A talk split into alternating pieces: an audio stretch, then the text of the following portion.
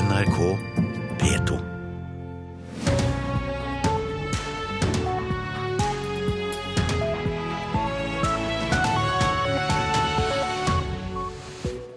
Velkommen til Nyhetsmorgen. Klokka er 6.30 i studio nå, Anne Jetlund Hansen, og dette er hovedsakene våre nå.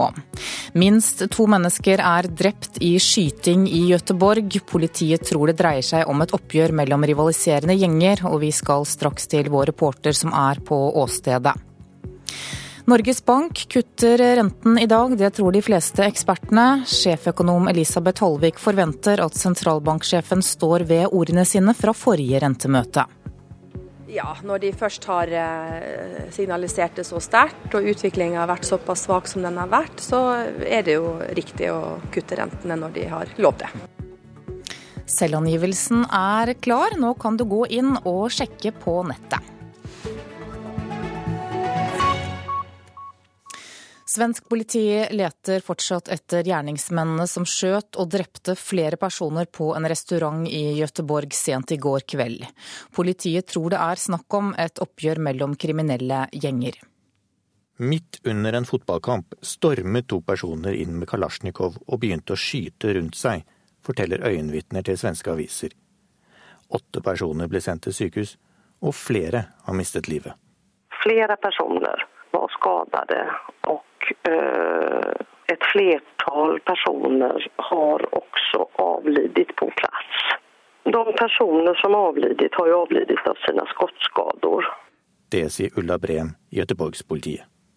Restauranten ligger i et boligområde, og ifølge øyenvitner var de to gjerningsmannene maskerte, og hadde tydeligvis bestemt seg for hvem de skulle skyte. Og ifølge den svenske avisen Ekspressen har det vært gjengbråk i området tidligere.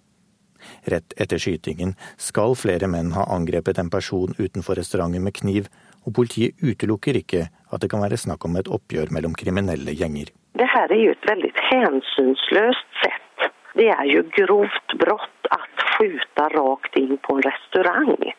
Og derfor så kan vi jo ikke utelukke at det er eh, gjengrelatert. Det er kriminelle, grovt kriminelle som holder på på dette viset. Politiet har nå satt inn store styrker i jakten på gjerningsmennene, som fortsatt er på frifot. Og det sa reporter Christian Aanensen. Videre til deg, reporter Elise Heisel Asbjørnsen. Du er på åstedet i Gøteborg nå. Hvordan ser det ut der? Akkurat nå så har folk begynt å bevege seg til jobb her i Gøteborg. Samtidig så er det satt opp sperringer rundt denne restauranten hvor det ble skutt i går kveld.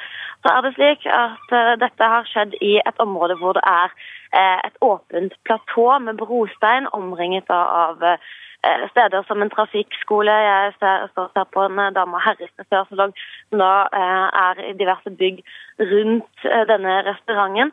Og inne på den åpne plassen så går det nå flere personer og ser for å for å få med seg hvordan det ser ut utenfor her. Men i øyeblikket ingen politi eh, eller noe slikt på, på stedet. Ikke noe knust glass, ingenting slikt. Men eh, politisperringer satt opp rundt i hele restauranten og veldig eh, stille.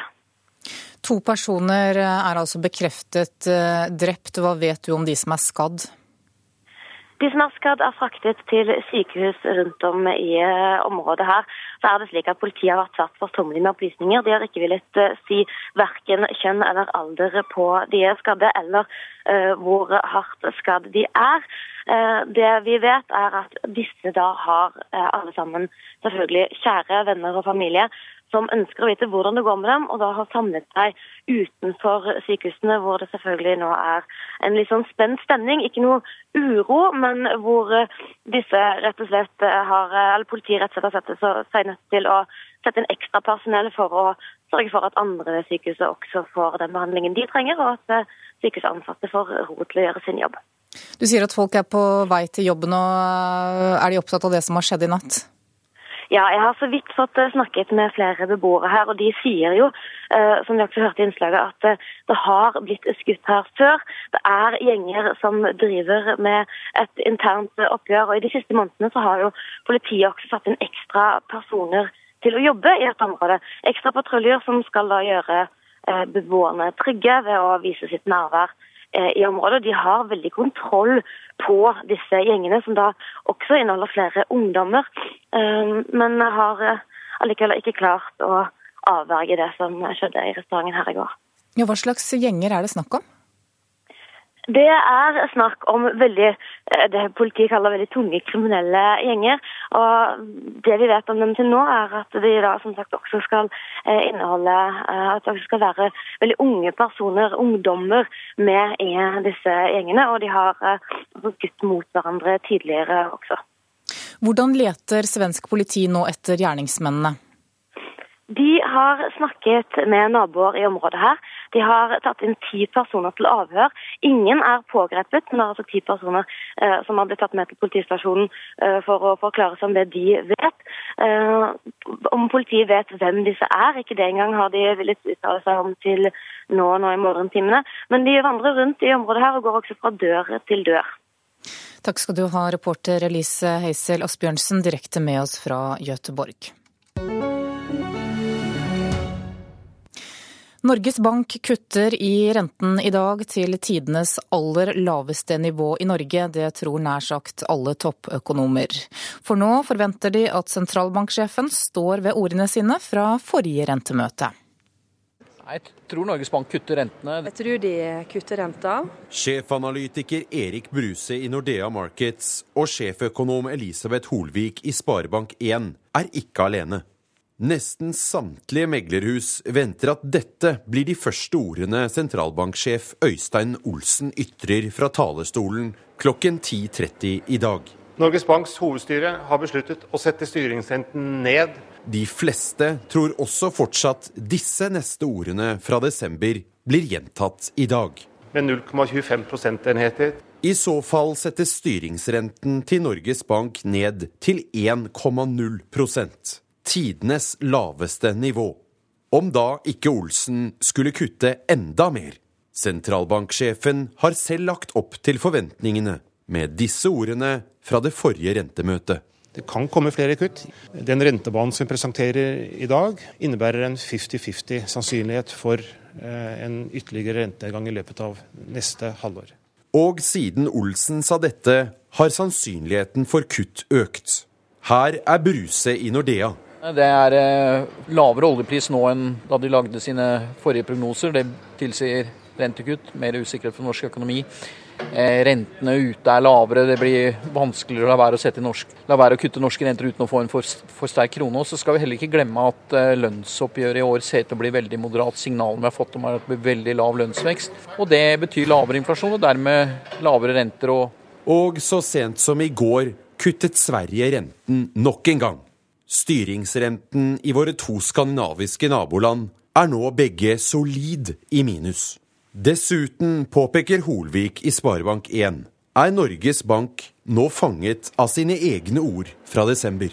Ja, når de først har eh, signalisert det så sterkt og utviklinga har vært såpass svak som den har vært, så er det jo riktig å kutte rentene når de har lov det. Eh, det har jo også vært forventa i markedet. Så hvis de ikke kutter renta, så vil en jo kunne få en eh, styrkelse av kronekursen, og at rentene stiger og at markedet blir forvirra av den kommunikasjonen.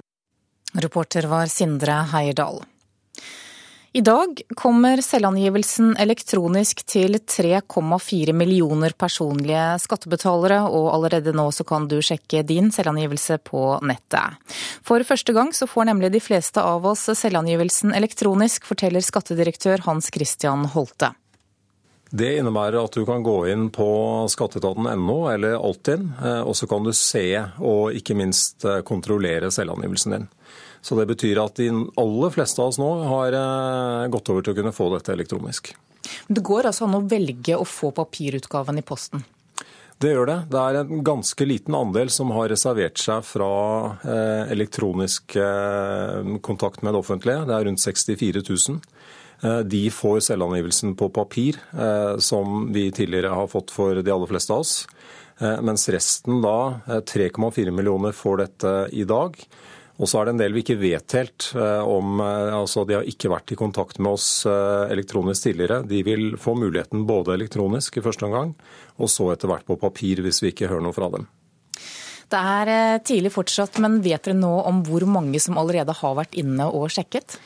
Ja, det er faktisk ganske mange som har brukt natta til å sjekke selvangivelsen sin. Eh, fra midnatt og fram til klokken seks nå eh, så har det vært 138 000 inne og sjekket selvangivelsen.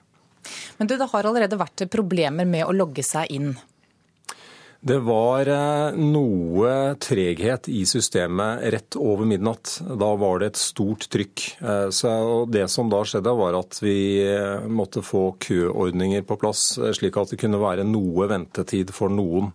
Det var ingen systemer som sluttet å fungere, men det var altså slik at det ble noe kødannelse i det som heter ID-porten, som er denne innloggingsløsningen som brukes. Så til selve innholdet i selvangivelsen. Hvor mange får baksmell i år, og hvor mange får igjen penger på skatten? Det er eh, slik at eh, det er eh, vesentlig flere som får penger igjen enn de som får en baksmell. Det vil jo mange synes er hyggelig. Det er da ca. 2,7 millioner som ligger an til å få noe igjen på skatten i dette oppgjøret. Eh, det ligger an til å være ca. 30,5 milliard kroner. Eh, I snitt så blir det ca. 34 000 kroner per person.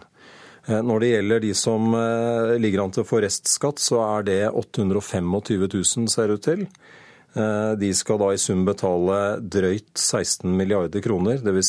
Si ca. 55 000 kroner hver. Hva er det som er nytt i år, da? Noe av det som er nytt, er at vi har litt flere eh, grunnlagsdata, dvs. Si data som automatisk eh, vi får eh, tilgang til, og som da ligger inne i din selvangivelse. Eh, og Det gjelder eh, i år da eh, skattepliktig salg av eiendom. Så det er om lag 22 000 nordmenn som, hvor da dette er forhåndsutfylt. Og hvor du da for så vidt da både kan ha en skattepliktig gevinst og eventuelt et fradrag hvis det har vært et eh, tap ved salg. Nå har det vært en stor eh, prisutvikling i boligmarkedet, så det betyr at de aller fleste her vil ha en gevinst. Eh, det jeg har lyst til å minne om akkurat der, er at folk må passe på at ikke de betaler for mye skatt. For alle fradragene som de kan ha krav på f.eks. For i forbindelse med et boligsalg, oppussing, den type ting, det er ikke informasjon som vi sitter på. Så det må folk passe på å legge inn selv. Dere er ikke redde for at folk skal bli for passive da, når folk bare får selvangivelsen sendt elektronisk, og det er et slags prinsipp om at den som tier, samtykker? Jo, det syns jeg er eh, et eh, godt spørsmål. Eh, vi er litt redde for det. Vi er opptatt av at selv om dette nå er forholdsvis enkelt for de aller fleste av oss, så bør folk ha et bevisst forhold til å sjekke skatten sin, og at ikke de betaler for mye. Eh, for som jeg er innom, det er eh, enkelte fradrag eh, som kanskje ikke det er mulig for oss å, vite om på forhånd. Det må folk selv være ansvarlig for å legge inn. Slik at skatten skal bli riktig. Jeg syns det er en god idé å gå inn og sjekke de veilederne vi har på skatteetaten.no, bare for å se der ganske greit hvilke fradrag du kan ha rett til, og hva du skal fylle ut. Og Det sa skattedirektør Hans Christian Holte da jeg snakket med ham like før sending. Da skal vi ta en kikk på forsidene til avisene i dag. Pressens offentlighetsutvalg mener statens PR-strategi bryter loven, det skriver Klassekampen. Utvalget mener staten ikke kan holde tilbake offentlig informasjon ved å kreve sperrefrister og å gi enkelte medier eksklusiv tilgang til informasjon. Stadig flere foretak og kommuner knebler sine ansatte, ifølge Vårt Land. Mange ansatte har begrenset ytringsfrihet i forhold som gjelder egen arbeidsplass.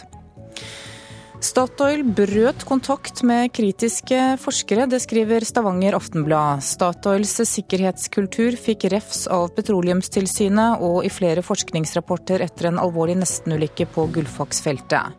Men da forskerne i forskningsinstituttet IRIS skulle grave dypere i selskapets risikohåndtering, så sa Statoil stopp, ifølge avisen. Hva nå Israel, spør Dagsavisen i dag. Frontene blir hardere etter at Benjamin Netanyahu vant valget i landet. Tostatsløsningen med palestinerne er død, sier professor Moshe Maus. Det er naturlig å bytte ut justisministeren selv om han skulle overleve asylbarnsaken. Det sier forsker Johannes Berg ved Institutt for samfunnsforskning til Dagbladet i dag. Arbeiderpartiet ble i går enige om å støtte mistillitsforslaget fra SV. KrF og Venstre har ikke bestemt seg. Hordaland er fremdeles en strandsoneversting, det skriver Bergens Tidende i dag. Mens områdene rundt Oslofjorden har hatt tilnærmet byggestopp, så har over 3500 nye bygninger dukket opp innenfor 100-metersbeltet i Hordalands strandsone de siste fem årene. Klasseskille etter skoletid er overskriften i Aftenposten i dag. Ved flere skoler i øst i Oslo så går under halvparten av førsteklassingene på aktivitetsskolen, også kjent som SFO. På vestkanten er det vanligere at alle bruker tilbudet. Elever som ikke gjør det, går glipp av verdifull kunnskap, mener skoleledere. Boligveksten vil fortsette over hele landet, det sier sjeføkonom Roger Bjørnstad til Dagens Næringsliv. Han tror det, de store regionale forskjellene At det blir store regionale forskjeller, og at prisene i Oslo og Bergen vil stige med over 20% frem til 2018. Og VG forteller om en hudsykdom som rammer mange, og særlig unge. To av dem står frem i avisen i dag og forteller at de mistet håret på få uker. Da skal vi ha sport her i Nyhetsmorgen. Skihopper Anders Bardal legger opp. 32-åringen er den som har vunnet flest medaljer de siste årene, med bl.a. seier i verdenscupen sammenlagt i 2012 og VM-gull i 2013. I VM i Falun i vinter så var han med på det norske laget som vant lagkonkurransen. Og Bardal sier til VG at han ikke lenger har motivasjonen som skal til for å satse, og at det nå er riktigere og viktigere å prioritere familien. Det kler meg dårlig som idrettsutøver og ønske at Marcel Hirscher skal mislykkes i å vinne verdenscupen totalt. Det sier alpinist Kjetil Jansrud foran dagens super-G-finale. I går sikret nordmannen seieren sammenlagt i utforcupen, og fremdeles har han en teoretisk mulighet til å ta den totale verdenscupen fra østerrikernes yngling, nemlig Marcel Hirscher. Hirscher har muligheten til å avgjøre det. Som idrettsutøver vil jeg ikke komme i en situasjon hvor jeg ønsker at han skal mislykkes. Det syns jeg kler, meg og kler eh, Norges Skiforbund dårlig, hvis det er, hvis det er inngangsbilletten vår. Marcel Hirscher har et 64 poengs forsprang på Jansrud før avslutningsrennet i super-G, storslalåm og slalåm i franske Meribel. Nordmann har allerede sikret seg seieren i årets super-G-cup. Og skulle han vinne dagens renn, legger han et enormt press på Hirscher, som er spesialist i slalåm og storslalåm. Hvis jeg tar 100 poeng, så tar jeg vel ledelsen igjen, og da, da, kan vi sette litt press på han. Jeg håper han kjører bra, og da er avgjørende. Og hvis han ikke gjør det, så, så får nå det være. Men uh, jeg tenker med meg sjøl. Man veit aldri hva som skjer, og man må bare kjempe hver dag. Og uh, nå er første steget på veien uh, et kjempesteg, i og med at det var utforkula òg. Men det var det beste jeg kunne gjøre for totalcupen, og så ser vi hva som kommer seinere i uka. Rennet kan du følge på NRK1 fra klokka 9.25. Reporter her var Hilde Liengen. Du hører på Nyhetsmorgen nå. Klokka er 6.48, og vel så det. Dette er hovedsakene våre. Minst to mennesker er drept i skyting i Göteborg. Politiet tror det dreier seg om et oppgjør mellom kriminelle gjenger. Selvangivelsen er klar. Allerede nå kan du gå inn og sjekke på nettet. Og følg oss videre. Den kontroversielle Melgaard og Munch-utstillingen er obligatorisk for flere hundre skoleelever, men noen lærere har satt seg på bakbeina. Men først nå om eh, norsk laks. Det kan bli alvorlig for omdømmet til norsk laks med stadige saker der land innfører importstans. Det sier seniorforsker ved Norsk utenrikspolitisk institutt, Arne Melkjord. I går ble det kjent at Kina stanser importen av hel laks fra Sør-Trøndelag, Nordland og Troms fra mandag.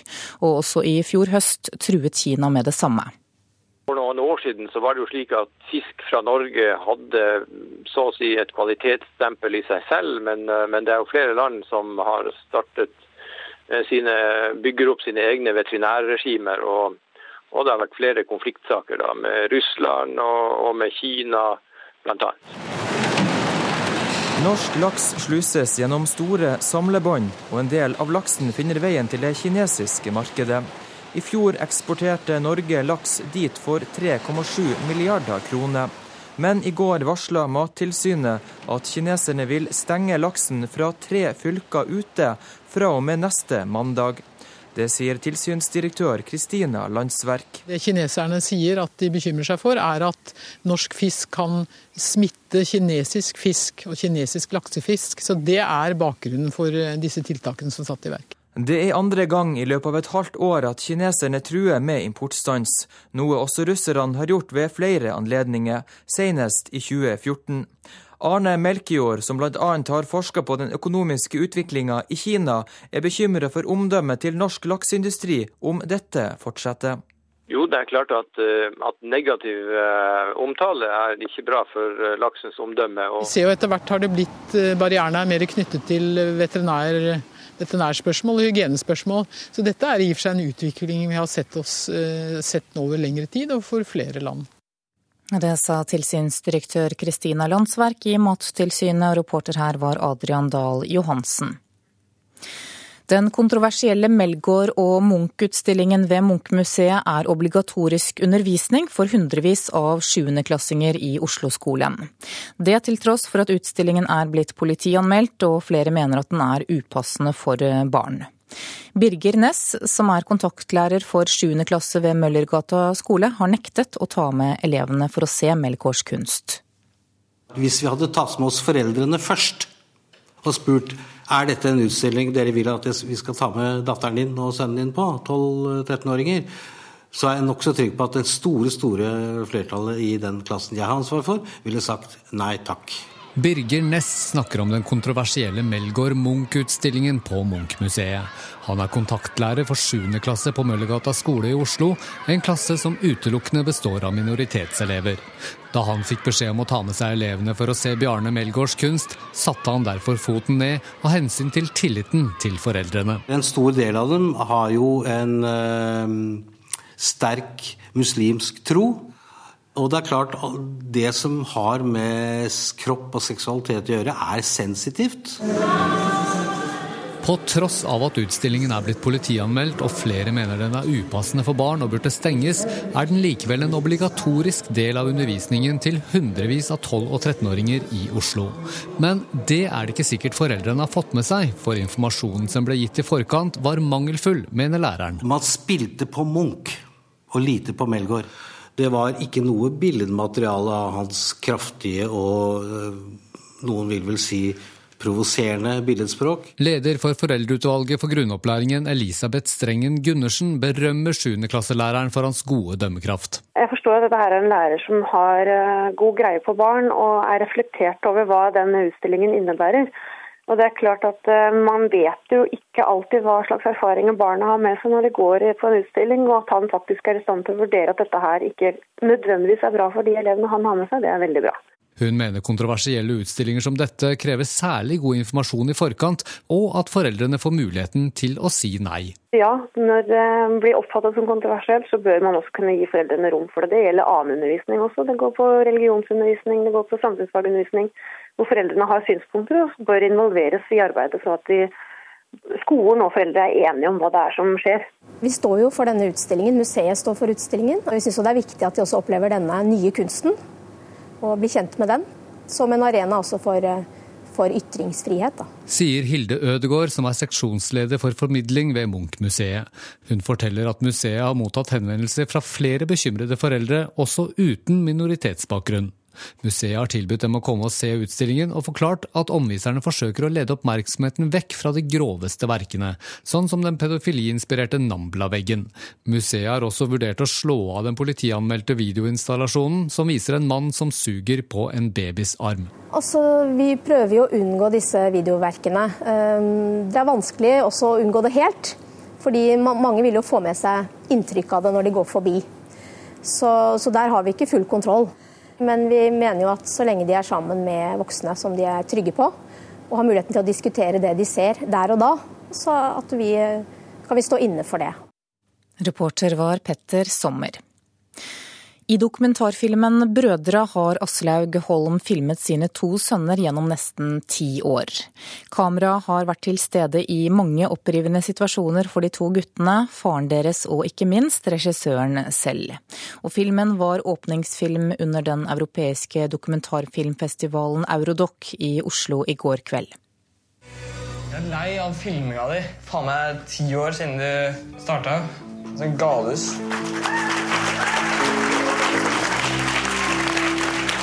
Jeg tror det er viktig, en viktig film, altså. Latter og tårer og Helt fantastisk. Et livsverk fra Slaug Holm. Nei, Det er jo et fascinerende prosjekt. og Jeg skulle gjerne ønske at mine foreldre på en måte hadde gjort det samme min, for min del. Og spesielt så er det jo mange som har en sånn slags nostalgisk lengsel etter barndommen, som det er gøy å dokumentere. da. Nå har jeg fulgt med så lenge jeg kan huske. Publikum som så Brødre på Cinemateket i Oslo i går kveld, synes filmen var fascinerende og en viktig dokumentasjon av barndommen. Brødre følger de to guttene Markus og Lukas gjennom nesten ti år fram til de vanskelige tenåra. Det har vært litt både ups and downs, men uh, sånn totalt så har det vært en liksom, hyggelig opplevelse. Da. Nei, jeg, jeg, orker, jeg, jeg orker ikke mer. Er, du kan prøve hva du vil, men Hvorfor har jeg filma i snart ti år? Og ennå ikke klart å avslutte filmprosjektet. Filmen utleverer også regissørmamma Aslaug Holm og pappa, produsent og meget engasjert fotballtrener Tore Buvarp. Det er lov til å skyte, det er lov til å drible, men det er også viktig å spille pasninger. Det er avslørende altså, når du driver på med Jeg er engasjert med fotballen. og da sier du ting og gjør ting som du alle sammen kjenner seg igjen i det. Altså, det er ikke, alt, alt er ikke like gjennomtenkt hele tida, men det må man bare ta. Så det må vi bare tåle. Altså. Så lager en dokumentarfilm, så må du også vise eh, noe av det som, eh, der det er friksjon, der det er ubehagelig. Ellers så har du ikke noe historie å vise. Da. Og Det er det som er virkeligheten. Kunne du gjort det igjen? Jeg kunne ikke gjort det, igjen. Hvis jeg visste hvor lang tid det tok, og, og hva det har krevd av eh, ja, tid og innsats, så, så har ikke vi starta på det. Men når vi først har gjort det, så er jeg glad for at vi har gjort det. Vi skal ikke ha noe kjeftbruk på hverandre. Det viktigste to tingene for å lykkes med fotball. Humør og innsats.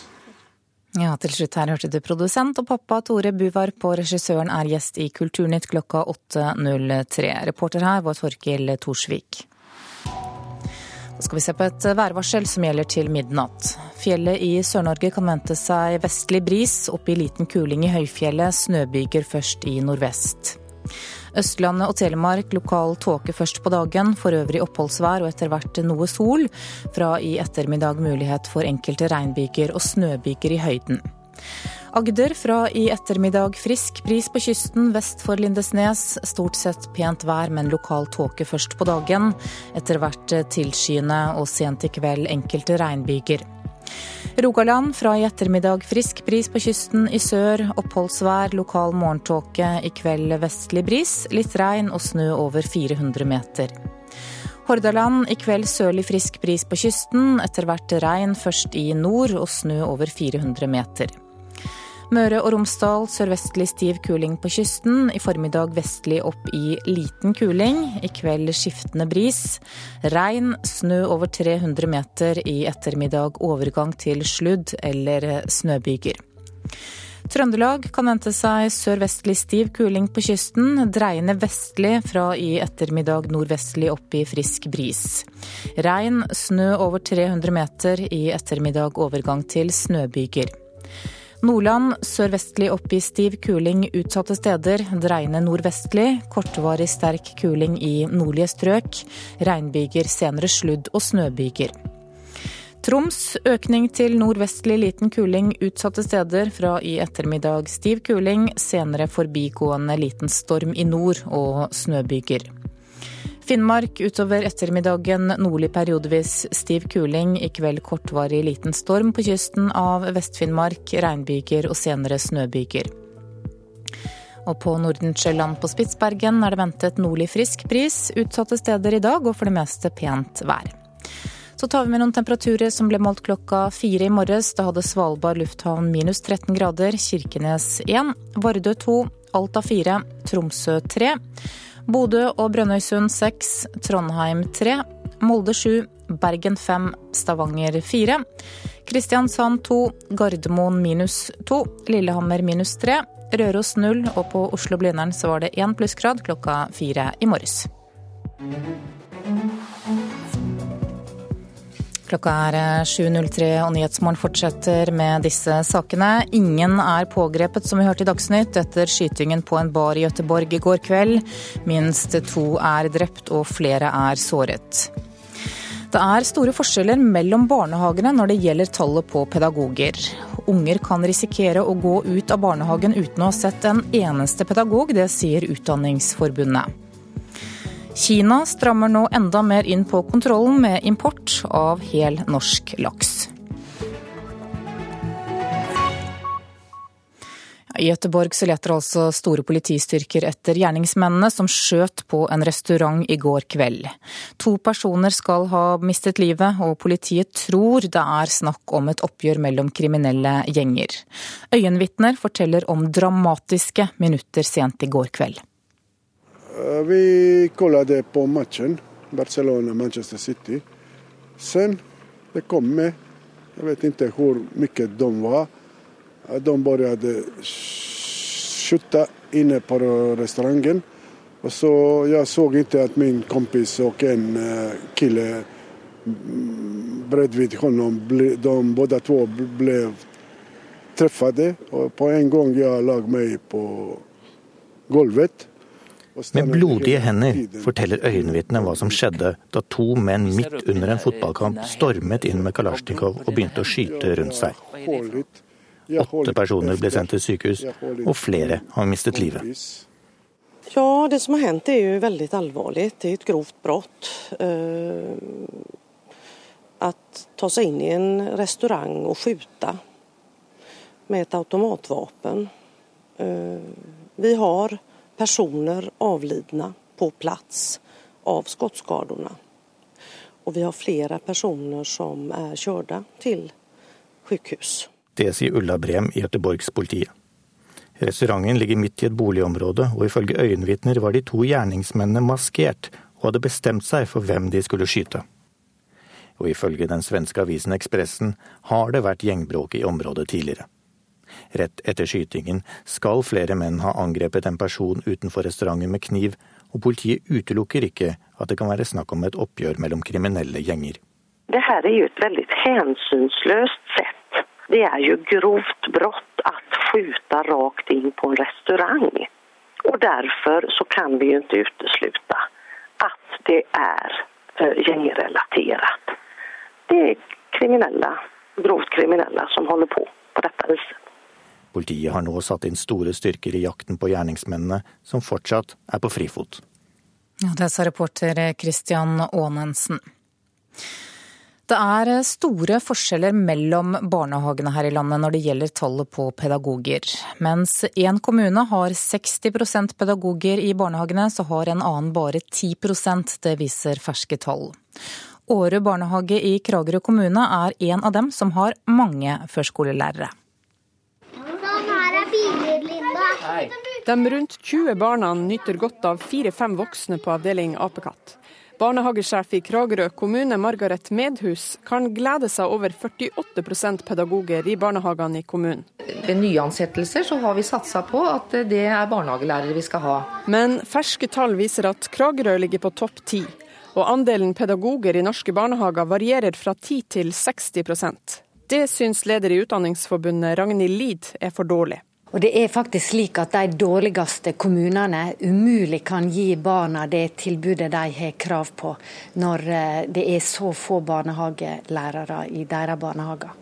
Men hvorfor er det så viktig med pedagoger? Det er jo andre ansatte, folk som har vært assistenter lenge, som har lang erfaring.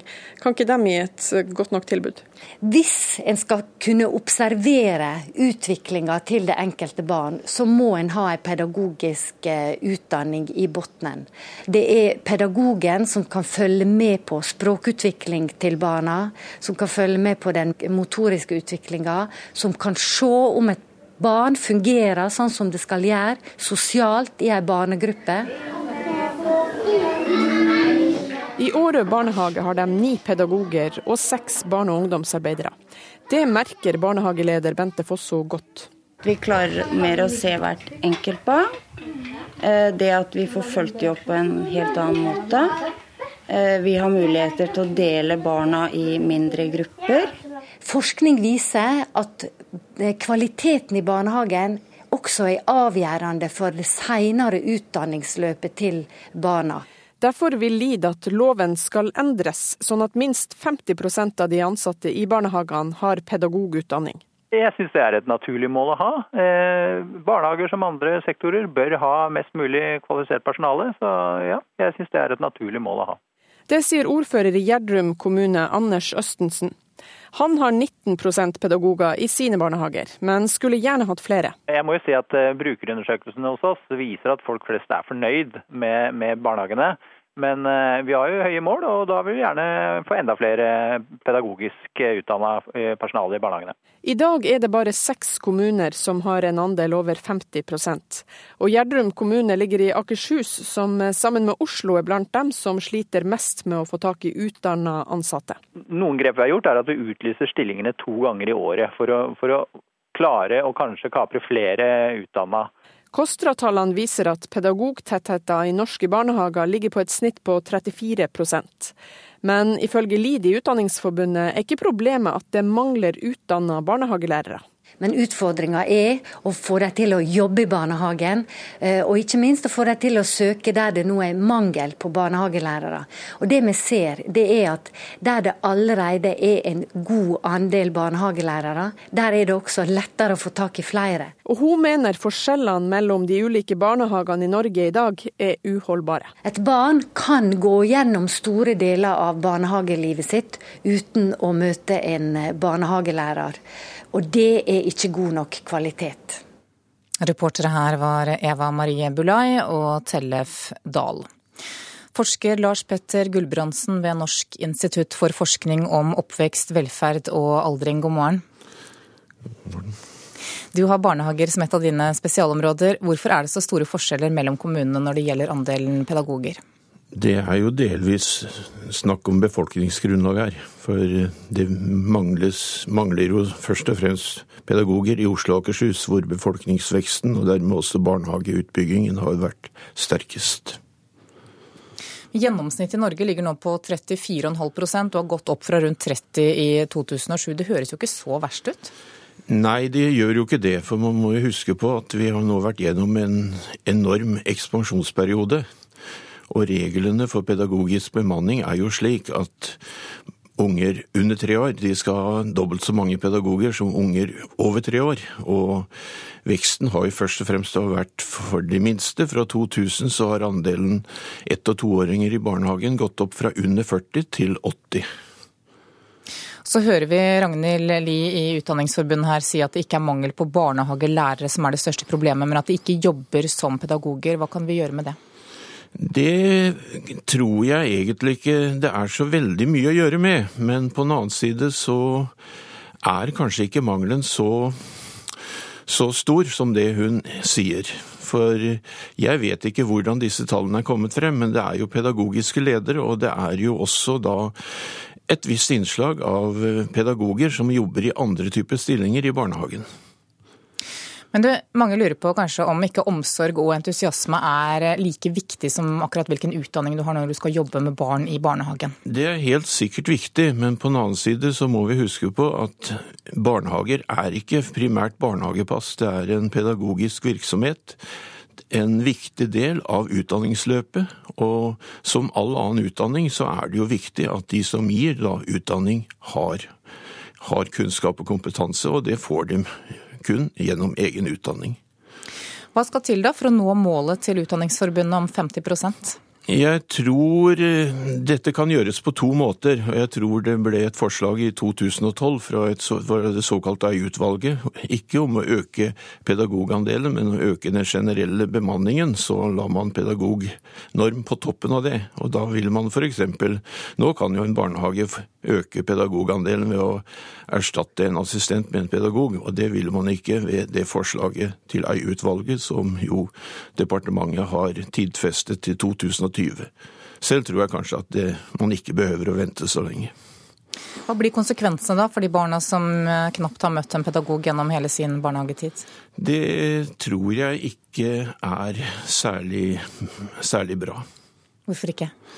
Nei, det er nettopp det jeg sier, at dette skal Gjennom utdanningen så lærer man jo både observere, dokumentere, og ikke minst da lærer barn Barn lærer jo i den alderen utrolig mye gjennom lek.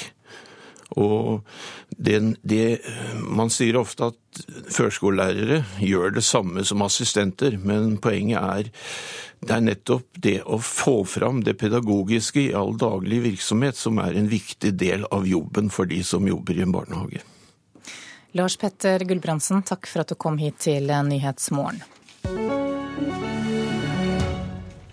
Da skal det handle om eh, renta. Norges Bank kutter i rentene i dag til tidenes aller laveste nivå i Norge. Det tror nær sagt alle toppøkonomer. For nå forventer de at sentralbanksjefen står ved ordene sine fra forrige rentemøte. Jeg tror Norges Bank kutter rentene. Jeg tror de kutter renta. Sjefanalytiker Erik Bruse i Nordea Markets og sjeføkonom Elisabeth Holvik i Sparebank1 er ikke alene. Nesten samtlige meglerhus venter at dette blir de første ordene sentralbanksjef Øystein Olsen ytrer fra talerstolen klokken 10.30 i dag. Norges Banks hovedstyre har besluttet å sette styringsrenten ned. De fleste tror også fortsatt disse neste ordene fra desember blir gjentatt i dag. Med 0,25 prosentenheter. I så fall settes styringsrenten til Norges Bank ned til 1,0 tidenes laveste nivå. Reporter var Sindre Heierdal. Sjeføkonom Knut Anton Mork i Handelsbanken, god morgen. God morgen. Hvor mye bør sentralbanksjefen kutte i dag? Eh, det er et helt annet spørsmål enn hva jeg tror han vil. Eh, jeg tror nok faktisk det vil være god grunn til å kutte med mer enn et kvart prosentpoeng i dag, når vi ser både på norsk økonomi og på verdens eh, rundt omkring oss. Men som sagt, det realistiske ser ut til å være at de kutter med et kvart prosentpoeng i dag, og heller nøyer seg med å gi signaler om at det er rimelig god sjanse for at de kommer til å kutte videre lenger ut på våren. Betyr det at du mener at sentralbanksjefen er for forsiktig? Eh, sentralbanksjefer skal jo være forsiktige, eh, så jeg er også litt forsiktig i min omtale av det nå. Eh, men vi står overfor store utfordringer i norsk økonomi med den kraftige nedbremsinga som vi ser i oljeaktiviteten. Og vi ser at verden omkring oss trues av deflasjon og setter rentene lenger og lenger ned. Senest i går satte uventa den svenske riksbanken ned sin rente, selv om de ikke hadde noe regulært rentemøte. Ja, hvilke konsekvenser får det for oss? Eh, det fikk jo en øyeblikkelig konsekvens at svenske kroner eh, svekka seg i forhold til de norske. Eh, og det er en av bekymringene som Norges Bank har. Det er også en av de tingene som pengepolitikken kan bidra med, å sørge for at krona ikke blir for sterk. Du vil også sette ned renta med et halvt prosentpoeng i dag. Hvorfor har du det så travelt? Hvis det er behov for noe, så er det ingen grunn til å vente. Det blir seigpining, og det ønsker ingen. Hvilke konsekvenser kan det få da? Uh, de, det er ikke noe hensikt, så vidt jeg kan se, at folk skal bli gående arbeidsledige uten at det er behov for det. Eller slik som det er i dag, det er ikke så høy ledighet, men det er økende usikkerhet om arbeidsplassene. Det legger brems på folks forbruksatferd. Det gir altså mindre etterspørsel etter de varene og tjenestene som de kjøper. Det skaper usikkerhet for nye investeringer i næringslivet, og det skaper usikkerhet omkring kroneutviklinga som faktisk som nevnt er en viktig del av det Norges Bank kan bidra med i dag. Og formiddag så får vi altså fasiten fra sentralbanksjefen. Takk for at du kom, Knut Anton Mork, sjeføkonom i Handelsbanken. Klokka er 7.17 nå, du hører på Nyhetsmorgen. Dette er hovedsakene våre. Minst to mennesker er drept i skyting i Gøteborg. Politiet tror det dreier seg om et oppgjør mellom kriminelle gjenger. Unger kan risikere å ha gått ut av barnehagen uten å ha sett en eneste pedagog. Det sier Utdanningsforbundet. Ferske tall viser enorme forskjeller mellom barnehagene. Og Kina stanser import av norsk laks. Mer om det om noen få minutter. Aller først skal det handle om Ukraina, for det er nå fare for at den avtalen om fred for Øst-Ukraina som ble inngått i Minsk i februar, kan bryte fullstendig sammen. Både Russland og de prorussiske separatistene i Ukraina sier at vedtaket i det ukrainske parlamentet om en spesiell status for Donetsk og Luhansk bryter med Minsk-avtalen. Korrespondent Morten Jentoft i Moskva, hvorfor er reaksjonene på vedtaket i det ukrainske parlamentet så sterke fra de russiskstøttede separatistene? Jo, eh, det går fordi at den loven som nå er vedtatt, og som også eh, i går kveld ble signert av den ukrainske presidenten Petro Porosjenko, eh, den sier det at før denne spesielle statusen for områdene øst i Ukraina kan innføres, så skal det gjennomføres lokale valg i de separatistkontrollerte områdene. Men for at de skal kunne gjennomføres, så må da separatistene innlevere sine våpen. Eh, de må også tillate at valgene blir gjennomført i tråd med ukrainske lover under internasjonal eh, overvåking. Og eh, det man mener fra prorussisk hold her, det er det at uh, dette skjer uten at man har snakket sammen med altså At separatistene og myndighetene i Kiev har satt seg ned og snakket sammen. Dette er da et ensidig vedtak innført fra ukrainsk side. Derfor så kan man ikke godta det. Og Nå sier da en talsmann for den russiske presidenten, Dmitrij Peskov. Han sier det at hele Minsk 2-avtalen, som han gjerne kaller denne avtalen som man ble enige om i begynnelsen av februar, den står i fare for å bryte sammen. Samtidig så kommer det meldinger om at spenningene langs frontlinjene øst i Ukraina igjen er i ferd med å øke. Ja, eh, det er eh, skyting flere steder eh, hver eneste dag nå. Det er særlig området i nærheten av flyplassen utenfor Danetsk der det skytes, rundt byen Avdijivka. I dette området så ble én ukrainsk soldat drept i går, eller i løpet av de siste 24 timene. Fem ble såret. Og det sies fra ukrainsk hold at det fra de prorussiske separatistene skytes med tunge våpen. Våpen som man da i tråd med avtalen skulle ha trukket unna eh, denne demarkasjonslinjen mellom partene. Sånn at det er nå en fare for at eh, eh, kampene igjen kan ta seg opp igjen øst i Ukraina. Takk skal du ha, korrespondent Morten Jentoft i Moskva. Vi skal videre til eh, Asia, for Kina strammer nå ytterligere inn kontrollen med import av hel norsk laks. Og fra førstkommende mandag så stanses importen fullstendig fra fylkene Sør-Trøndelag, Nordland og Troms. Den offisielle kinesiske forklaringen er frykt for virus og sykdommer.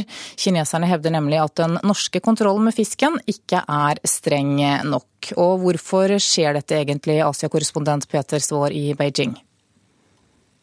Ja, Siden nobelpristildelingen i 2010 har det vært en ganske tett sammenheng mellom eh, kinesisk politisk misnøye med Norge og fortolkningen av reglene for import av eh, norsk laks. Så skal vi legge historien til grunn, virker det derfor sannsynlig at også disse nye restriksjonene i realiteten er politiske og en ny markering av eh, kinesisk misnøye. Ja, Hva er kineserne i så fall misfornøyde med?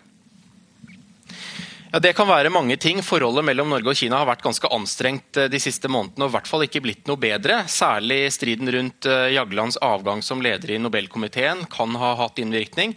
Eh, Kasi Kulman Five, den påtroppende lederen, sa jo da hun tiltrådte at hun støttet Jagland fullt og helt i tildelingen av fredsprisen til Liu Xiaoboa. At Kina ikke ville vinne noe på at hun tok over. At hun ba Kina om å løslate Liu Xiaoboa, som sitter fengslet her, og også å slutte å plage hans kone kone som sitter i husarrest. Og dette intervjuet og disse uttalelsene brakte jo kjernen i striden med Norge tilbake i forgrunnen. I tillegg har det kommet eh, kinesiske reaksjoner de siste ukene på hvordan eh, PST har navngitt Kina som et land som driver spionasje og datainnbrudd mot Norge. Og Den norske utvisningen av en kinesisk forsker fra Universitetet i Agder har også skapt irritasjon her. Så det har vært eh, noen krevende måneder, og det at lakseimporten nå strammes ytterligere inn, kan tolkes som en kinesisk reaksjon på det. Kan det få andre konsekvenser?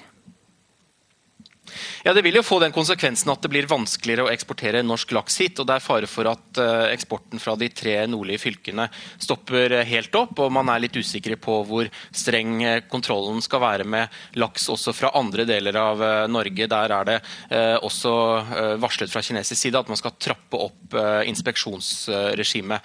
Men det er jo også viktig å minne om at det selges fortsatt ganske mye norsk laks her i Kina. Eksporten stupte riktignok rett etter tildelingen i 2010-2011. Men de siste årene har eh, norsk lakseeksport vært tilbake på et nivå her som ligger litt under hva det var før nobelprisen. Det er, altså snart, eh, eller det er fem år siden nobelprisen. Nå er det noe håp om at forholdet snart blir bedre? Det er akkurat nå lite som tyder på det, og egentlig eh, mer som tyder på at forholdet, eh, i hvert fall nå i vinter, har blitt eh, ytterligere komplisert. Eh, og da av disse forskjellige hendelsene i eh, Norge, med både eh, skifte av leder i Nobelkomiteen og disse uttalelsene fra Politiets sikkerhetstjeneste, som nok har bidratt til at fra kinesisk side det ikke har, at man ikke har ser noen normalisering i sikte. Vi vet jo at det var en dialog under den rød-grønne regjeringen hvor man også diskuterte tekst og diskuterte eh, en form for formulering eller, eh, eller, et tekstforslag som Norge og Kina kunne bli enige om for å gå videre. Det strandet, og bl.a. fordi eh, dette lekket ut i pressen. Det var stor kinesisk misnøye med. Så slik det ser ut nå, så er situasjonen og dialogen mellom Norge og Kina ganske fastlåst. Peter Svaar er altså vår mann i Beijing. Takk skal du ha. Da skal vi ta en kikk på forsidene til dagens aviser. Pressens offentlighetsutvalg mener statens PR-strategi bryter loven. Det skriver Klassekampen. Utvalget mener staten ikke kan holde tilbake offentlig informasjon ved å kreve sperrefrister og å gi enkeltmedier eksklusiv tilgang. Stadig flere foretak og kommuner knebler sine ansatte, ifølge Vårt Land. Mange ansatte har begrenset ytringsfrihet i forhold som gjelder sin egen arbeidsplass. Statoil brøt kontakt med kritiske forskere, det skriver Stavanger Aftenblad i dag. Statoils sikkerhetskultur fikk refs av Petroleumstilsynet og i flere forskningsrapporter etter en alvorlig nestenulykke på Gullfaks-feltet. Men da forskerne i forskningsinstituttet IRIS skulle grave dypere i oljeselskapets risikohåndtering, så sa Statoil stopp, ifølge avisen. Hva nå Israel, spør Dagsavisen i dag. Frontene blir hardere etter at Benjamin Netanyahu vant valget i landet. Tostatsløsningen med palestinerne er død, sier professor Moshe Maos. Det er naturlig å bytte ut justisministeren selv om han skulle overleve asylbarnsaken. Det sier forsker Johannes Berg ved Institutt for samfunnsforskning til Dagbladet. Arbeiderpartiet ble i går enige om å støtte mistillitsforslaget fra SV. KrF og Venstre har ennå ikke bestemt seg.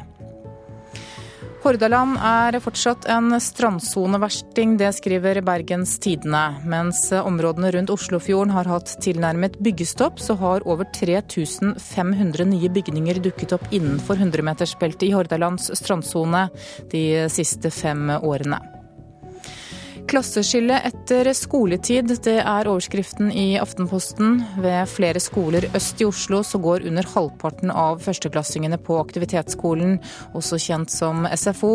På vestkanten er det vanligere at alle bruker tilbudet. Og elever som ikke gjør det, går glipp av verdifull kunnskap, mener skoleledere.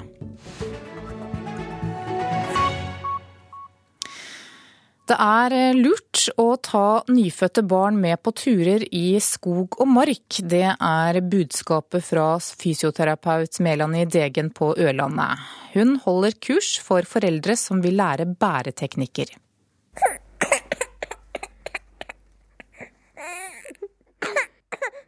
Fire måneder gamle Brage Haugen er utålmodig etter å komme ut i frisk luft og i den skjønne naturen.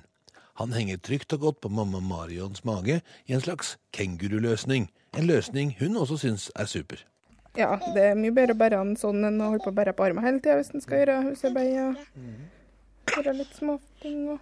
Ja, ja, det er rett og slett praktisk, eller er det andre ting òg? Ja, det er praktisk, og så er det mye mer behagelig, for du sliter ikke armene dine. Mm. Så er det greit å ha han så nære òg. Yes, ikke minst. Det syns sikkert du òg, ikke sant?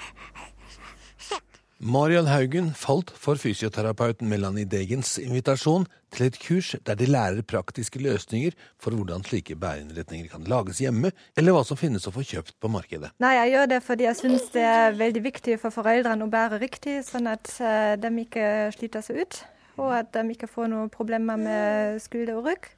Og så tenker jeg òg ikke minst for barna sin del, for det er veldig veldig fin måte å bli kjent med barnet sitt på.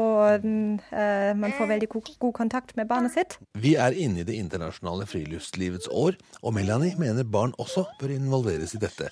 Og da er bæreteknikken viktig, og veldig praktisk og sikker. Uh, for det er jo veldig fint å gå trilletur med barnevogn, men man kommer seg ikke fram overalt. Så det er litt uh, greit å finne noen alternativer, sånn at man kan komme seg ut i naturen, ut i skog og mark, der man eh, ikke kommer seg fram med barnevogn. Men det er noe litt risikabelt da, hvis man snubler over ei rot, liksom? Nei, det er egentlig ikke det. Eh, man må bare bruke sunn fornuft. Og bare gå der man føler seg trygg sjøl. Når man er veldig vant til å gå ut i terrenget, så det, går det jo ikke så veldig fort at man snubler. Uh, og tenker Når man ikke er vant til det, så kan man jo begynne med litt enklere terreng. og ja, øke vanskelighetsgraden etter hvert. Dere var på kurs der i går. Mm. Lærte du noe nytt? Jeg lærte en ny måte å knytte sjalet på. Det var en grei måte, for da kan jeg knyte før jeg fer ut. Så kan jeg sette meg i bilen, og så kan jeg bare putte den oppi, og så er vi klar. gjør, det, gjør, dette at du kommer til å gå mer ut i skog og mark med den? Ja. Jeg eh, tenker nå utover våren så begynner den å bli større. Nå er den bare fire måneder, så da er det mye lettere å ut og gå skog og mark. Og, og håper på mye finvær.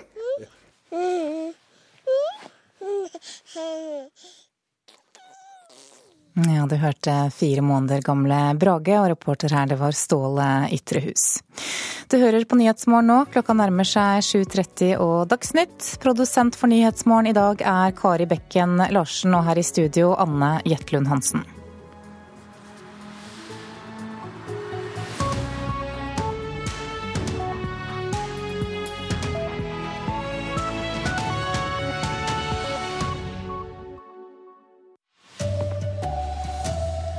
Storstilt politijakt i Gøteborg. Minst to mennesker er skutt og drept.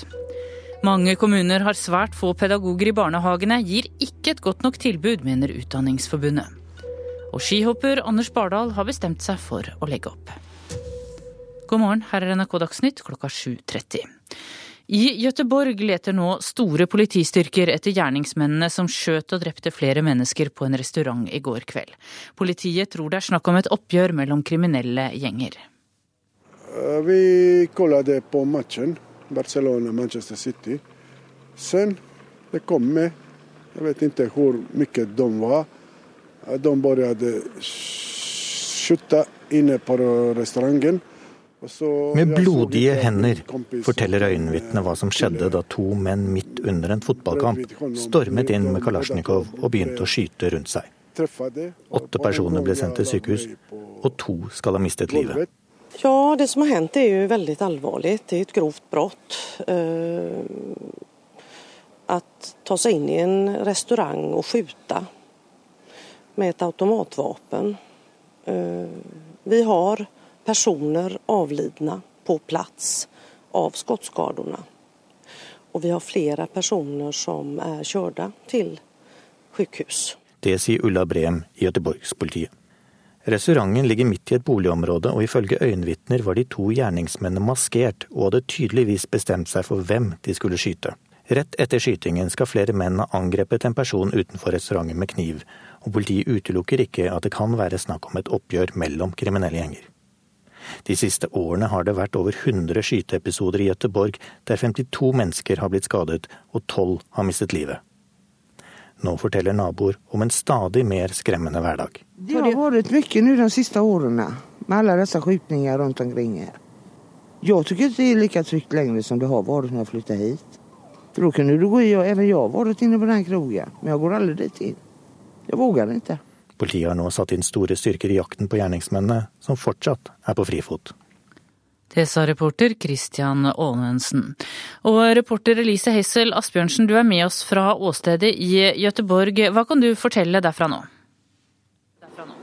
Jeg står her nå på en åpen plass. På den ene siden er restauranten det ble skutt inn i i går kveld. Den er nå mørklagt, og den er innrammet i blå og hvit polititeip. Så står det også et par vakter utenfor deg. Bak meg kommer solen opp over en lekeplass, og den er tom. Beboere her sier til oss at de ikke bruker uteområdene sine mye, fordi de er redde pga. nettopp mye gjengbråk her. Urolighetene de har vært mange. Skytinger og biler satt i brann, men aldri med så alvorlig og dramatisk utfall som i går. Minst to er altså døde, åtte sendt til sykehus. Hva gjør politiet for å finne gjerningsmennene nå? Restauranten ligger mellom flere store boligblokker i mur som jeg nå står midt imellom, og i disse har politiet gått fra dør til dør i helnatt i en intens jakt. Ti personer er tatt inn til politistasjonen for avhør, men uten at noen har pågrepet ennå. Politiet de kjenner gjengmiljøet her veldig godt, men til nå så er de veldig sparsommelige med opplysninger om motiv og hvem de tror det var som stormet inn i restauranten med maskingevær sent i går kveld. Takk skal du ha, reporter Elise Hessel Asbjørnsen med oss fra Gøteborg. Så om norske barnehager. Mens en kommune har 60% pedagoger i barnehagen, har en annen bare 10% Det viser ferske kommunetall fra KOSTRA-statistikken. Årø barnehage i Kragerø kommune er blant de barnehagene som har mange førskolelærere. Sånn, her er biler, Linda. De rundt 20 barna nyter godt av fire-fem voksne på avdeling apekatt. Barnehagesjef i Kragerø kommune, Margaret Medhus, kan glede seg over 48% pedagoger i barnehagene i kommunen. Ved nyansettelser så har vi satsa på at det er barnehagelærere vi skal ha. Men ferske tall viser at Kragerø ligger på topp ti. Og andelen pedagoger i norske barnehager varierer fra 10 til 60 Det syns leder i Utdanningsforbundet, Ragnhild Lid, er for dårlig. Og det er faktisk slik at de dårligste kommunene umulig kan gi barna det tilbudet de har krav på, når eh, det er så få barnehagelærere i deres barnehager. Det er jo ikke noe heldig at, eh, at, noen sliter så til de grader mye mer med å få tak i kvalifisert personale enn andre kommuner. Det sier ordfører i Gjerdrum kommune, Anders Østensen.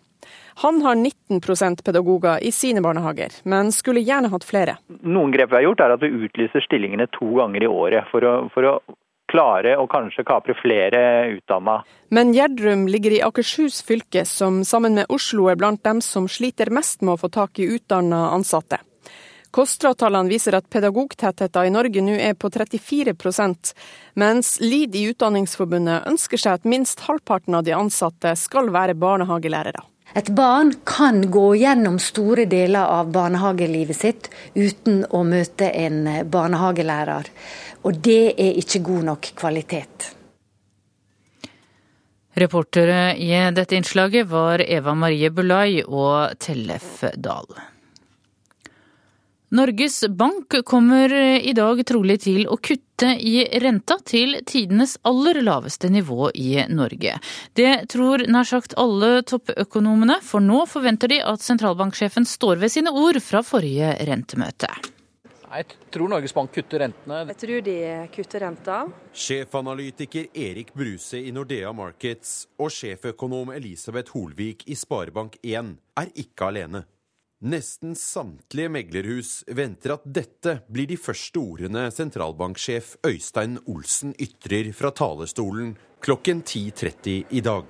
Norges Banks hovedstyre har besluttet å sette styringsrenten ned de fleste tror også fortsatt disse neste ordene fra desember blir gjentatt i dag.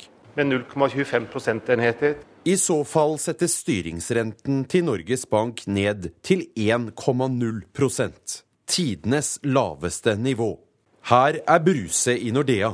Det er eh, lavere oljepris nå enn da de lagde sine forrige prognoser. Det tilsier rentekutt, mer usikkerhet for norsk økonomi. Eh, rentene ute er lavere, det blir vanskeligere å la være å, norsk, la være å kutte norske renter uten å få en for, for sterk krone. Og så sent som i går kuttet Sverige renten nok en gang. Dessuten, påpeker Holvik i Sparebank1, er Norges Bank nå fanget av sine egne ord fra desember. Ja, når de først har eh, signalisert det så sterkt, og utviklinga har vært såpass svak som den har vært, så er det jo riktig å kutte rentene når de har lovt det. Reporter her var Sindre Heierdal. En ny type telefonsvindel har kommet til Norge, og teleselskapene vet ikke hvordan de skal håndtere det. Spoofing, som det kalles i USA, går ut på at noen stjeler telefonnummeret ditt og ringer rundt i hele landet for å lure folk. Gårdbruker Jarle Hiller i Nærøy i Nord-Trøndelag er en av dem som har opplevd dette. Det var helt vilt. De sto i kø. Med det samme jeg hadde lagt på, så ringte jeg han.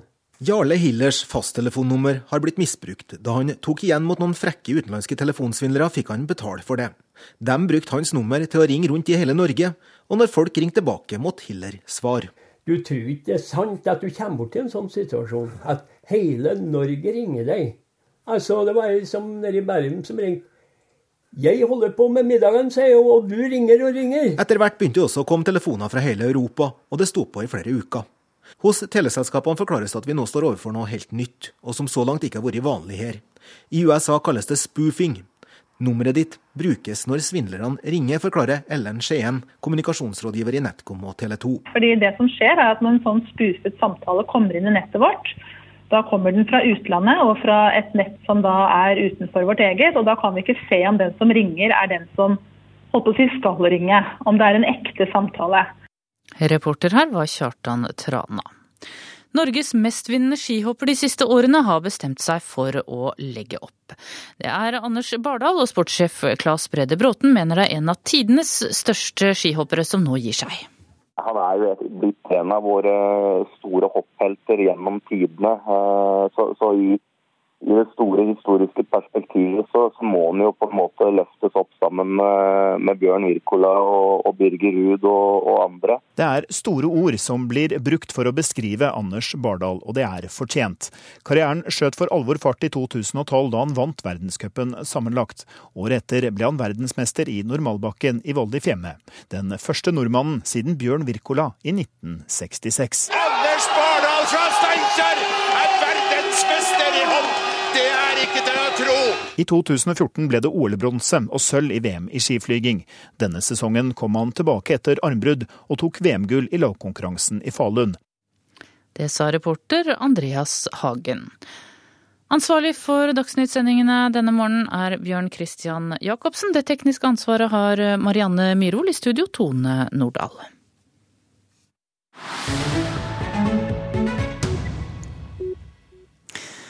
Klokka er 7.40 og i Nyhetsmorgen nå skal det handle om jogging. Aktive joggemotstandere har lenge spurt har du noen gang sett en jogger som smiler. Nå er det tendensiøse spørsmålet blitt uaktuelt en gang for alle, for såkalte funruns, løping bare for moro skyld, har lenge vært populære, og det siste nå er fargeløp. Det er noe ordentlig griseri, ifølge vår reporter Joar Hoel Larsen. Men Deltakerne smiler og ler og har det moro, i tillegg til at de får trimmet og trent. Five, four, three, two, det er vel i grunnen ikke egnet til å overraske noen, men eh, det begynte i USA. Det første Color Run ble arrangert i Phoenix i Arizona for drøyt tre år siden. Og allerede i debuten var det mer enn 6000 deltakere. Det er et mosjonsløp, men på ingen måte i svart-hvitt med seriøse treningsnarkomane.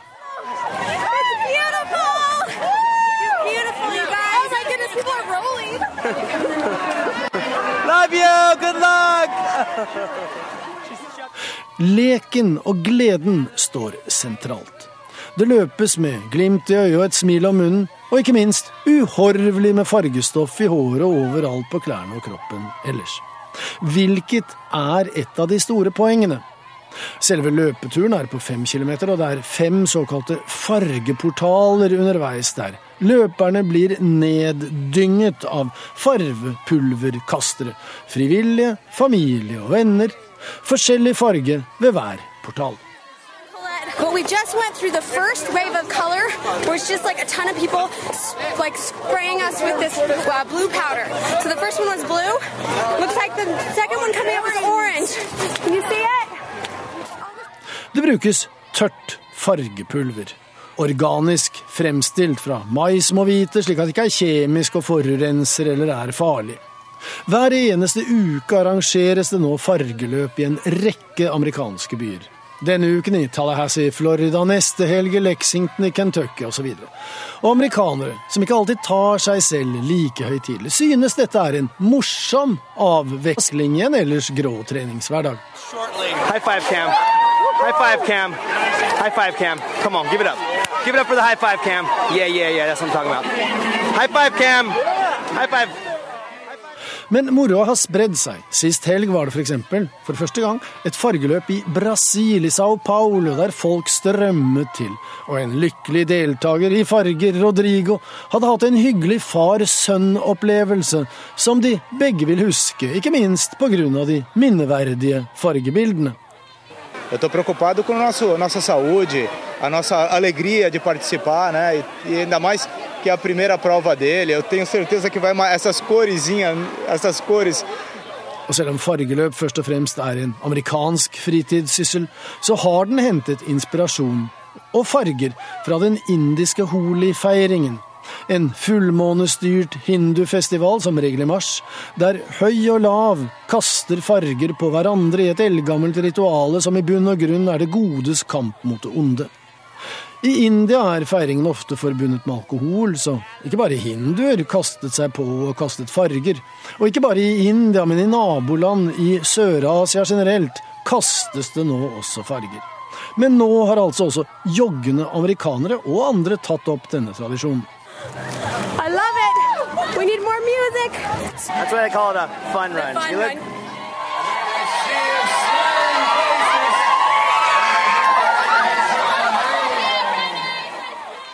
Reporter i denne saken, det var Joar Hoel Larsen.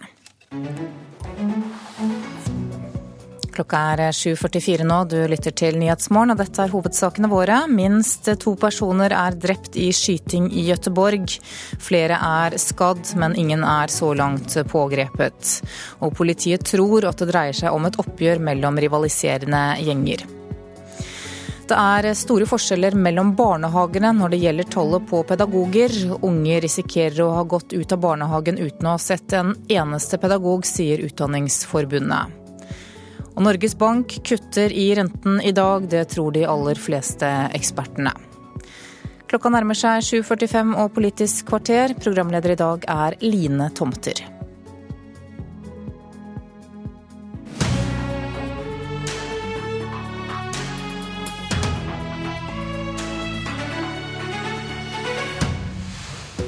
Politikerne må stagge de mektige matbaronene, krever matprodusenter og bønder.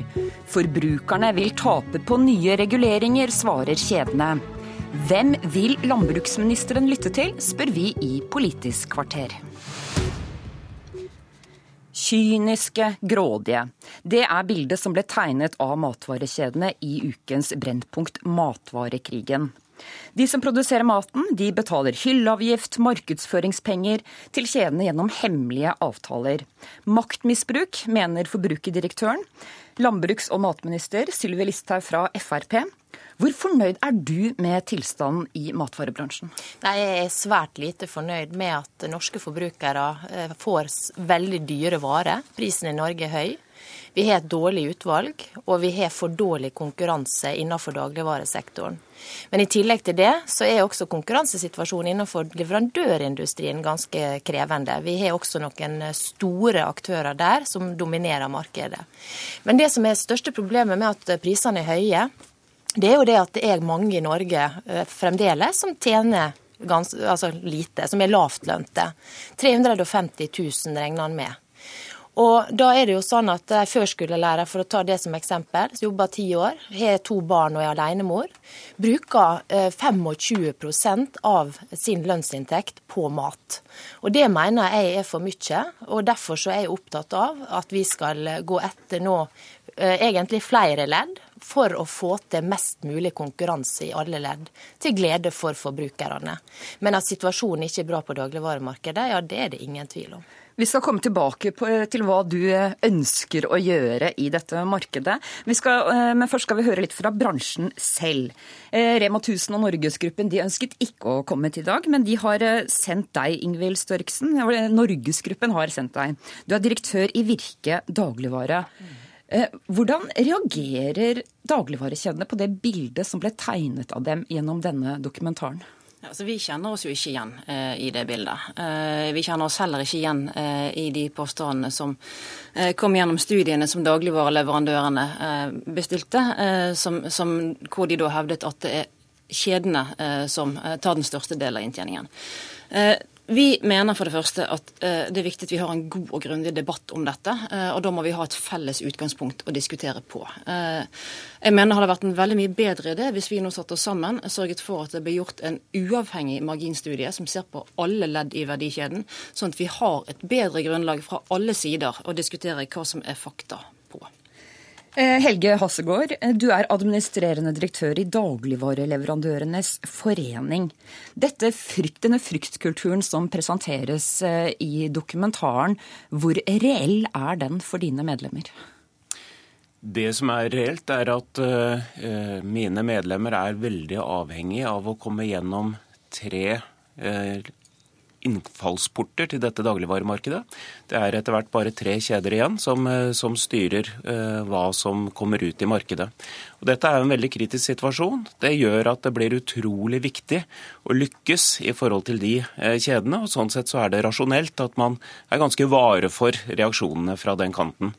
Men uh, jeg er ikke så fryktelig opptatt av, av den siden av saken. Jeg er mer opptatt av at vi skal ha en sunn og rettferdig konkurranse som fungerer. Og da tror jeg mye av disse tingene vil falle på plass av seg selv. Dere etterlyser politisk handling. Hva er det viktigste landbruks- og matministeren kan gjøre, mener dere? Ja, altså Vi må få dette markedet til å fungere mer effektivt. Et men, viktig ja, første vi, skritt vil være å få på plass den loven om god handelsskikk og et handelstilsyn som eh, har vært foreslått fra veldig mange kanter, og som vi har hatt eh, brede høringer på, og som jeg tror at, vi, at veldig mange er enige om at kan være et godt første skritt. Så vil det nok sannsynligvis være nødvendig å, å gjøre mer, og jeg har ikke fasitløsningene på dette, men eh, vi må få stimulert, stimulert konkurransen. Eh, Else May Botten, du sitter i næringskomiteen for Arbeiderpartiet. Politisk handling etterlyses. Eh, hva mener dere bør gjøres? Ja, Vi har jo vært veldig opptatt av å levere på det som blir sagt fra sidelinja her nå. Det er å komme med en eh, ny lov om god handelsskikk. Og det har vi egentlig et godt grunnlag for å si. fordi at vi har nedsatt to utvalg som har jobba med det her. Ett lovutvalg, og så var det Matkjedeutvalget, som sikkert veldig mange husker der vi òg var opptatt av å se på hele verdikjeda og se på sammenhengene. Det å få til effektive forhandlinger er viktig, men det å få en mer åpenhet og det å få en, en mer eh, kontrollert eh, kjøreregelstil inni det her, det tror jeg er utrolig viktig. Men dette har man jo snakket om i årevis. Hvorfor skjer det ingenting? Er det kjedene som har for mye makt å presse på for å, for å stoppe nye reguleringer? Nei, det skal ikke jeg si noe om, men, men, eh, jeg mener i hvert fall at det lå veldig klart til Sylvi når hun kom eh, i regjering. For da var jo der, begge de to lovutvalgene hadde jo da levert. Og vi har for 14 dager siden behandla denne saken i Stortinget, der Arbeiderpartiet og Senterpartiet mente at vi måtte få på plass denne loven, mens regjeringspartiene og Venstre og KrF ikke var med på det. Listhaug, eh, det nevnes her lov om ny handelsskikk. Hvorfor skjer det ikke noe med denne loven, som faktisk nærmest ligger der klar i Landbruksdepartementet? Vi jobber jo med å se på den som et Eh, punkt som vi vurderer. Eh, men det er behov for å se nærmere på enkelte ting i den lova. F.eks. hvordan håndhevinga skal være, hvordan skal du organisere tilsynet. Og vi ser også på andre ting enn det som ligger i lova, for å bidra til mer konkurranse. For den lova i seg sjøl vil ikke bidra til mer konkurranse. Hva Mens, vil bidra til mer konkurranse? Ja, det, Vi ser nå på ulike forhold som, som, kan bidra til det. Men det er klart at dette her er ganske krevende, fordi at det utvikler seg et marked over tid. I løpet av de åtte åra som den forrige regjeringa satt, så gjorde en jo ingenting. Da snakka en jo om at maten var billig. Det var jo mantra fra den forrige regjering. De økte også matmomsen. Eh, mens denne regjeringa mener at eh, maten er dyr, og at vi skal bidra til å prøve å, å, å, å eh, stoppe den, den utviklinga. Og så vil jeg også si til Else May Botten Nå er altså nylig behandla to forslag i Stortinget. Det ene var om dagligvareportal. Mm. Det er altså et tiltak som vil bidra til kostnader på mange hundre millioner kroner. Det er anslag som er kommet fra kjedene det er ingen som tror at det er kjedene som vil ta regninga for dagligvareportalen. Med andre ord, det vil bli ytterligere dyr mat. Ja. Det andre er matmerking. Der skal da ha spesiell matmerking i Norge, som også vil gjøre det dyrere. Sånn at uh, svaret til Arbeiderpartiet vil bidra til dyrere mat, og det er utrolig usosialt for alle de lavtlønte gruppene som i dag sliter med å få endene til å møtes, og der matbudsjettet er ganske stort. Jeg må la Botten svare på dette før vi går videre. Ja, takk. Eh, og jeg synes at det, det er liksom å bare skyve det over. Det er jo lettvint, men nå sitter du i regjering, og du har muligheter til å handle. Ja. Eh, og du har ikke gjort det. Og i august så var jo statsråden hadde jo møte med mat, matkjeden, og nå er det jo faktisk bare eh, snart tre igjen. Eh, og, eh, og, var opptatt av prisene for at man var bekymra for at de har økt. I jordbruksforhandlingene så ble jo prisen økt ytterligere for, for brukerne. Og man har faktisk ikke tatt tak i det. det Nå skal har... vi ikke gå inn i en debatt om jordbruksforhandlingene. Har... det skal vi, vi skal ikke, men... gjøre det. men prisene er viktige for forbrukerne, eh, og da er det ikke bare snakk, men da må vi faktisk men, men, men jeg må la Størksen også komme til ordet her, for hun har bedt om ordet en stund her.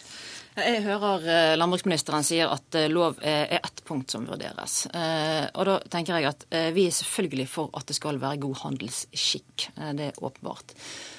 Men det er også sånn at Konkurransetilsynet løftet noen motforestillinger mot lov og tilsyn som jeg syns man skal lytte til. Og Det gikk på uklart mandat for et handelstilsyn, og det gikk på Eh, at et uklart lovverk eh, vil kunne føre til flere tvister som igjen vil være for dyrene osv. Men uklart, sier du. Men mm. hvem vil tape på det, mener dere, et, et sånt lovverk? Eh, vi mener at det kan være andre veier som er vel så effektive og kan implementeres raskere for å nå samme mål. Men det er ingen tapere altså, ved å innføre denne loven? Lov om handelsskikk? Det vi tror ikke at lov om handelsskikk vil være den mest effektive måten. Vi skal selvfølgelig være konstruktive når det ligger et forslag i bordet, men man må men se på et bredere aspekt. Hvis ingen vil tape på det, hva er da problemet, lurer jeg på? Konkurransetilsynet er bekymret for at uh, man oppretter et tilsyn med uklart mandat. Vi er redd for at en løsning uh, med et parallelt tilsyn vil kunne føre til en svekkelse av Konkurransetilsynet. Dette er forhold som man må se på. Det ligger ikke noe forslag i bordet nå. Vi skal vurdere det konstruktivt når det kommer. Men jeg mener vi også må se på hvordan uh, man eventuelt istedenfor kan justere dagens lovverk. hvordan jeg og Hasselborg kan sette sammen og se på felles retningslinjer. Og hvordan man ikke minst kan styrke Konkurransetilsynet. Men ja, nå vil jeg gjerne komme ett skritt videre her. Du har vært i Storbritannia. Der får du ikke lov til å betale denne avgiften for hylleplasseringen. Hvorfor kan vi ikke innføre noe lignende i Norge dersom det åpner for type maktmisbruk? Det var jo et av de interessante tingene som både kom fram i dokumentaren og som jeg fikk Men vurderer du det? Altså, Jeg mener at det, det, er grunnlag for å se på dette her ganske bredt. Og det er jo en av grunnene til at vi bruker tid på det. For å da bestemme oss for hva skal en sånn lov uh, inneholde. Hva vil være altså, viktig å gjøre i tillegg til denne lova. Men det er jo ganske drastisk en sånn hylleplassavgift, ja, det... så du avviser ikke at det vil kunne komme fra din side? Jeg mener nå må se på mange forskjellige grep for å sikre forbrukeren. For det er jo for meg så handler dette her om forbrukeren. Hvordan kan vi sikre forbrukeren billigere mat? Hvordan kan vi sikre forbrukeren bedre utvalg? Og hvordan kan vi sikre at konkurransesituasjonen i Norge blir bedre? Hasselgaard, denne, dette som de har i England, forbud mot å betale hylleplassavgift. Hva synes dere i eh, dagligvareleverandørenes forening om det? Vi syns det er et veldig interessant uh, forslag. Uh, vi er absolutt uh, positive til å følge den britiske modellen, som vi også har foreslått i flere sammenhenger. Og hvis vi hadde hatt et handelstilsyn i dag, så hadde sannsynligvis mye av den debatten som har gått de siste dagene, ikke vært der. For da hadde vi hatt den nøytrale instansen som Størksen og handelen etterlyser, som kunne den, spilt den rollen og sett oss i kortene i alle ledd i verdikjeden, og hatt en eh, helt annen, eh, mer nøktern debatt om dagligvaremarkedets funksjon. Så dette er, dette er, veien å gå, og jeg syns det er veldig positive signaler både fra Listhaug og fra, fra Botten her. Så jeg, jeg, ser lyst på denne utviklingen. De høres litt enige ut også, gjør de ikke det? Ja, altså, Jeg håper jo at de egentlig er enigere enn de tør å si. og Det er jo noe vi så oss i Storbritannia, hvor det ble tverrpolitisk enighet om dette forslaget, som faktisk fikk bred tilslutning. Og I Norge så har jo også både handelsaktører aktører, bønder, forbrukere, altså hele verdikjeden har jo stilt seg positiv til dette forslaget. Størksen, forbud mot hylleplassavgift. Hva synes egentlig Norgesgruppen og de andre medlemmene dine om det? Eh, nå skal det først sies at uh, Norge og England er ganske forskjellige, fordi at man i Norge også har en veldig sterk konsentrasjon på leverandørsiden. Vi har ikke tid til å gå inn på forskjellene der, men hva sagt, sier dine medlemmer om hylleplassavgift? Så er det sånn at Konkurransetilsynet har hatt dette spørsmålet oppe før. De har vurdert det, skrev en rapport om det i 2005 og sa at dette er blant de tingene som er med å holde prisen nede. Det er også sånn at kjedene leverer inn avtalene med de store leverandørene sine til Konkurransetilsynet, som de ser nøye på. Og de har også møter med Konkurransetilsynet jevnlig for å se på forhold som kan hindre konkurransen. Så jeg føler meg trygg på at når det gjelder dette og andre spørsmål eh, som er regulert i avtalene, så har Konkurransetilsynet gjort jobben sin. Botten, det er en ting jeg lurer på. Alle snakker om lov om ny handelsskikk, men hva er egentlig lov om ny handelsskikk?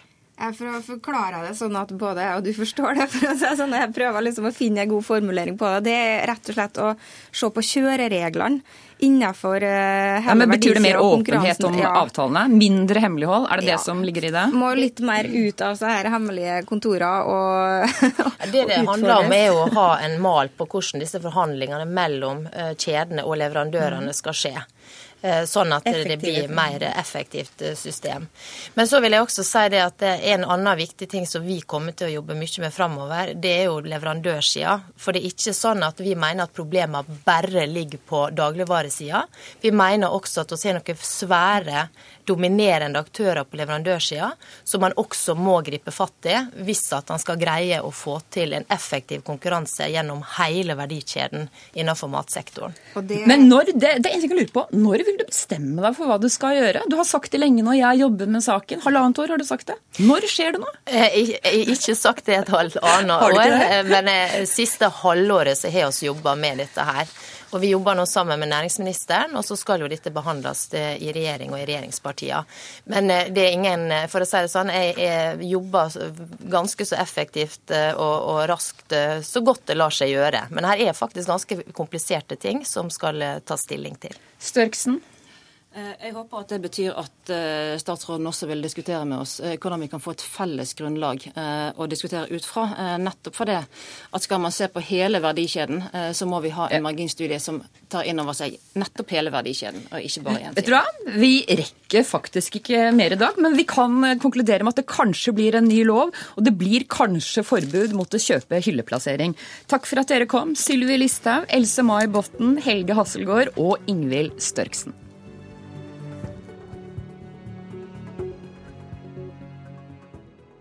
Hør flere podkaster på nrk.no podkast.